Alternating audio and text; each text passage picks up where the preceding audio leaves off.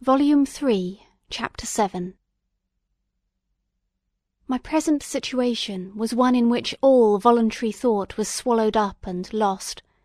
I was hurried away by fury; revenge alone endowed me with strength and composure; it modelled my feelings, and allowed me to be calculating and calm, at periods when otherwise delirium or death would have been my portion.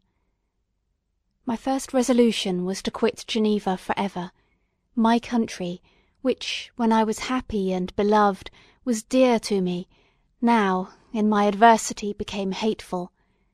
I provided myself with a sum of money, together with a few jewels which had belonged to my mother, and departed. And now my wanderings began, which are to cease but with death. I have traversed a vast portion of the earth, and have endured all the hardships which travellers, in deserts and barbarous countries, are wont to meet. How I have lived I hardly know; many times have I stretched my failing limbs upon the sandy plain and prayed for death. But revenge kept me alive; I dared not die and leave my adversary in being. When I quitted Geneva, my first labour was to gain some clue by which I might trace the steps of my fiendish enemy; but my plan was unsettled and I wandered many hours round the confines of the town, uncertain what path I should pursue. As night approached, I found myself at the entrance of the cemetery where William, Elizabeth, and my father reposed. I entered it, and approached the tomb which marked their graves. Everything was silent, except the leaves of the trees, which were gently agitated by the wind; the night was nearly dark, and the scene would have been solemn and affecting even to an uninterested observer. The spirits of the departed seemed to flit around and to cast a shadow, which was felt but seen not, around the head of the mourner. The deep grief which this scene had at first excited quickly gave way to rage and despair. They were dead, and I lived; their murderer also lived, and to destroy him I must drag out my weary existence. I knelt on the grass and kissed the earth, and with quivering lips exclaimed, "By the sacred earth on which I kneel, by the shades that claimed I wander near me, by the deep and eternal grief that I feel, I swear; and by thee, O Night, and by the spirits that preside over thee, I swear to pursue the demon who caused this misery, until he or I shall perish in mortal conflict.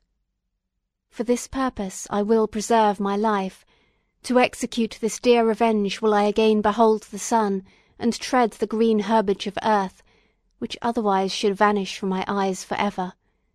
And I call on you, spirits of the dead, and on you, wandering ministers of vengeance, to aid and conduct me in my work. Let the cursed and hellish monster drink deep of agony let him feel the despair that now torments me." I had begun my adjuration with solemnity, and an awe which almost assured me that the shades of my murdered friends heard and approved my devotion; but the Furies possessed me as I concluded, and rage choked my utterance. I was answered, through the stillness of night, by a loud and fiendish laugh. It rung on my ears long and heavily, the mountains re echoed it, and I felt as if all hell surrounded me with mockery and laughter. Surely, in that moment, I should have been possessed by frenzy, and have destroyed my miserable existence, but that my vow was heard, and that I was reserved for vengeance. The laughter died away, when a well known and bored voice, apparently close to my ear, addressed me in an audible whisper. "I am satisfied, miserable wretch. You have determined to live, and I am satisfied." I darted towards the spot from which the sound proceeded, but the devil eluded my grasp. Suddenly the broad disk of the moon arose, and shone full upon his ghastly and distorted shape as he fled with more than mortal speed. I pursued him and for many months this has been my task. Guided by a slight clue, I followed the windings of the Rhone, but vainly. The blue Mediterranean appeared, and by a strange chance I saw the fiend enter by night, and hide himself in a vessel bound for the Black Sea. I took my passage in the same ship, but he escaped, I know not how. Amidst the wilds of Tartary and Russia, although he still evaded me, I have ever followed in his track. Sometimes the peasants, scared by this horrid apparition, informed me of his path; sometimes he himself, who feared that if I lost all trace I should despair and die, often left some mark to guide me. The snows descended on my head, and I saw the print of his huge step on the white plain. To you, first entering on life, to whom care is new and agony unknown, how can you understand what I have felt and still feel? Cold, want, and fatigue were the least pains which I was destined to endure. I was cursed by some devil, and carried about with me my eternal hell. Yet still a spirit of good followed and directed my steps, and when I most murmured, would suddenly extricate me from seemingly insurmountable difficulties. Sometimes, when nature, overcome by hunger, sunk under the exhaustion, a repast was prepared for me in the desert that restored and inspirited me. The fare was, indeed, coarse, such as the peasants of the country ate, but I may not doubt that it was set there by the spirits that I had invoked to aid me. Often, when all was dry, the heavens cloudless, and I was parched by thirst, a slight cloud would bedim the sky, shed the few drops that revived me, and vanish. I followed, when I could, the courses of the rivers, but the demon generally avoided these, as it was here that the population of the country chiefly collected. In other places human beings were seldom seen, and I generally subsisted on the wild animals that crossed my path. I had money with me, and gained the friendship of the villagers by distributing it, or bringing with me some food that I had killed, which, after taking a small part, I always presented to those who had provided me with fire and utensils for cooking. My life, as it passed thus, was indeed hateful to me, and it was during sleep alone that I could taste joy. O blessed sleep! Often, when most miserable, I sank to repose, and my dreams lulled me even to rapture. The spirits that guarded me had provided those moments, or rather hours, of happiness, that I might retain strength to fulfil my pilgrimage. Deprived of this respite, I should have sunk under my hardships. During the day I was sustained and inspirited by the hope of night, for in sleep I saw my friends, my wife, and my beloved country, Again I saw the benevolent countenance of my father, heard the silver tones of my Elizabeth's voice, and beheld Clerval enjoying health and youth. Often, when wearied by a toilsome march, I persuaded myself that I was dreaming, until night should come, and that I should then enjoy reality in the arms of my dearest friends. What agonizing fondness did I feel for them! How did I cling to their dear forms! as sometimes they haunted even my waking hours, and persuade myself that they still lived. At such moments vengeance, that burned within me, died in my heart, and I pursued my path towards the destruction of the demon more as a task enjoined by heaven, as the mechanical impulse of some power of which I was unconscious, than as the ardent desire of my soul. What his feelings were whom I pursued, I cannot know. Sometimes, indeed, he left marks in writing on the barks of the trees, or cut in stone, that guided me and instigated my fury. My reign is not yet over.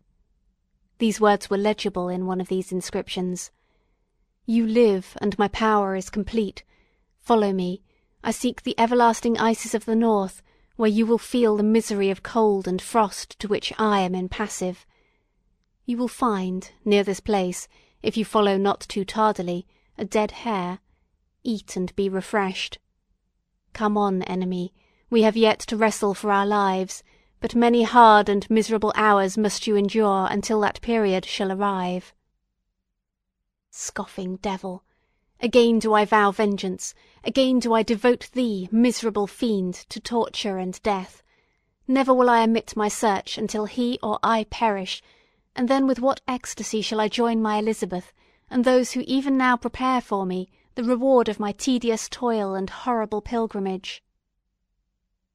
As I still pursued my journey to the northward, the snows thickened and the cold increased in a degree almost too severe to support. The peasants were shut up in their hovels, and only a few of the most hardy ventured forth to seize the animals whom starvation had forced from their hiding places to seek for prey. The rivers were covered with ice, and no fish could be procured, and thus I was cut off from my chief article of maintenance. The triumph of my enemy increased with the difficulty of my labours. One inscription that he left was in these words: "Prepare, your toils only begin, wrap yourself in furs, and provide food, for we shall soon enter upon a journey where your sufferings will satisfy my everlasting hatred. My courage and perseverance were invigorated by these scoffing words. I resolved not to fail in my purpose, and, calling on heaven to support me, I continued with unabated fervour to traverse immense deserts until the ocean appeared at a distance and formed the utmost boundary of the horizon. Oh, how unlike it was to the blue seas of the south! Covered with ice, it was only to be distinguished from land by its superior wildness and ruggedness. The Greeks wept for joy when they beheld the Mediterranean from the hills of Asia, and hailed with rapture the boundary of their toils. I did not weep, but I knelt down, and with a full heart thanked my guiding spirit for conducting me in safety to the place where I hoped notwithstanding my adversary's gibe, to meet and grapple with him. Some weeks before this period I had procured a sledge and dogs, and thus traversed the snows with inconceivable speed. I know not whether the fiend possessed the same advantages, but I found that, as before I had daily lost ground in the pursuit, I now gained on him; so much so that when I first saw the ocean he was but one day's journey in advance, and I hoped to intercept him before he should reach the beach. With new courage, therefore, I pressed on, and in two days arrived at a wretched hamlet on the seashore. I inquired of the inhabitants concerning the fiend, and gained accurate information. A gigantic monster, they said, had arrived in the night, armed with a gun and many pistols, putting to flight the inhabitants of a solitary cottage through fear of his terrific appearance.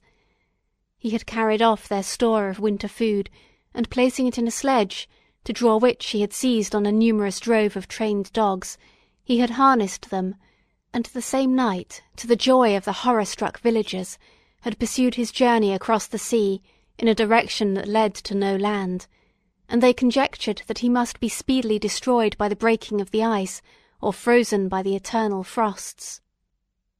On hearing this information, I suffered a temporary excess of despair.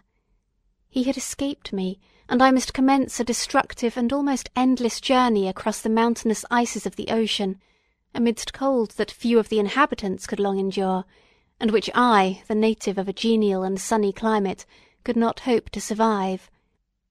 Yet at the idea that the fiend should live, and be triumphant, my rage and vengeance returned, and like a mighty tide overwhelmed every other feeling. After a slight repose, during which the spirits of the dead hovered round and instigated me to toil and revenge, I prepared for my journey. I exchanged my land sledge for one fashioned for the inequalities of the frozen ocean, and purchasing a plentiful stock of provisions, I departed from land.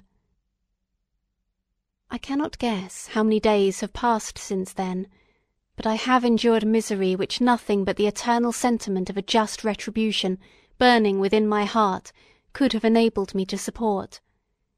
Immense and rugged mountains of ice often barred up my passage, and I often heard the thunder of the ground sea, which threatened my destruction. But again the frost came, and made the paths of the sea secure. By the quantity of provision which I had consumed, I should guess that I had passed three weeks in this journey, and the continual protraction of hope, returning back upon the heart, often wrung bitter drops of despondency and grief from my eyes. Despair had indeed almost secured her prey, and I should soon have sunk beneath this misery, when once, after the poor animals that carried me had, with incredible toil, gained the summit of a sloping ice mountain, and one sinking under his fatigue died, I viewed the expanse before me with anguish, when suddenly my eye caught a dark speck upon the dusky plain. I strained my sight to discover what it could be, and uttered a wild cry of ecstasy when I distinguished a sledge and the distorted proportions of a well-known form within. Oh, with what a burning gush did hope revisit my heart! Warm tears filled my eyes, which I hastily wiped away, that they might not intercept the view I had of the demon. But still my sight was dimmed by the burning drops, until, giving way to the emotions that oppressed me, I wept aloud. But this was not the time for delay. I disencumbered the dogs of their dead companion, gave them a plentiful portion of food, and, after an hour's rest, which was absolutely necessary, and yet which was bitterly irksome to me, I continued my route. The sledge was still visible, nor did I again lose sight of it except at the moments when, for a short time, some ice rock concealed it with its intervening crags. I indeed perceptibly gained on it, and when after nearly two days' journey I beheld my enemy at no more than a mile distant, my heart bounded within me. But now, when I appeared almost within grasp of my enemy, my hopes were suddenly extinguished, and I lost all trace of him more utterly than I had ever done before. A ground sea was heard, the thunder of its progress as the waters rolled and swelled beneath me became every moment more ominous and terrific. I pressed on, but in vain. The wind arose, the sea roared, and, as with the mighty shock of an earthquake, it split and cracked with a tremendous and overwhelming sound. The work was soon finished. In a few minutes a tumultuous sea rolled between me and my enemy, and I was left drifting on a scattered piece of ice that was continually lessening, and thus preparing for me a hideous death. In this manner many appalling hours passed. Several of my dogs died, and I myself was about to sink under the accumulation of distress, when I saw your vessel riding at anchor, and holding forth to me hopes of succour and life. I had no conception that vessels ever came so far north, and was astonished at the sight. I quickly destroyed part of my sledge to construct oars, and by these means was enabled, with infinite fatigue, to move my ice raft in the direction of your ship.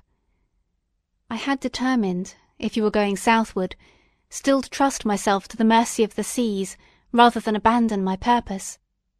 I hoped to induce you to grant me a boat with which I could pursue my enemy. But your direction was northward.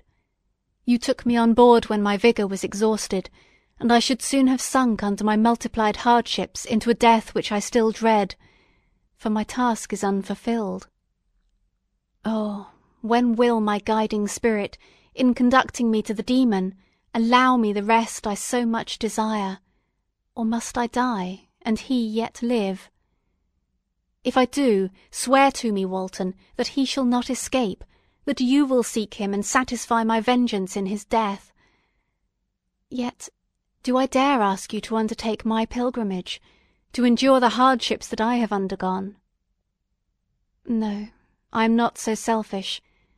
Yet, when I am dead, if he should appear, if the ministers of vengeance should conduct him to you, Swear that he shall not live, swear that he shall not triumph over my accumulated woes, and live to make another wretch such as I am.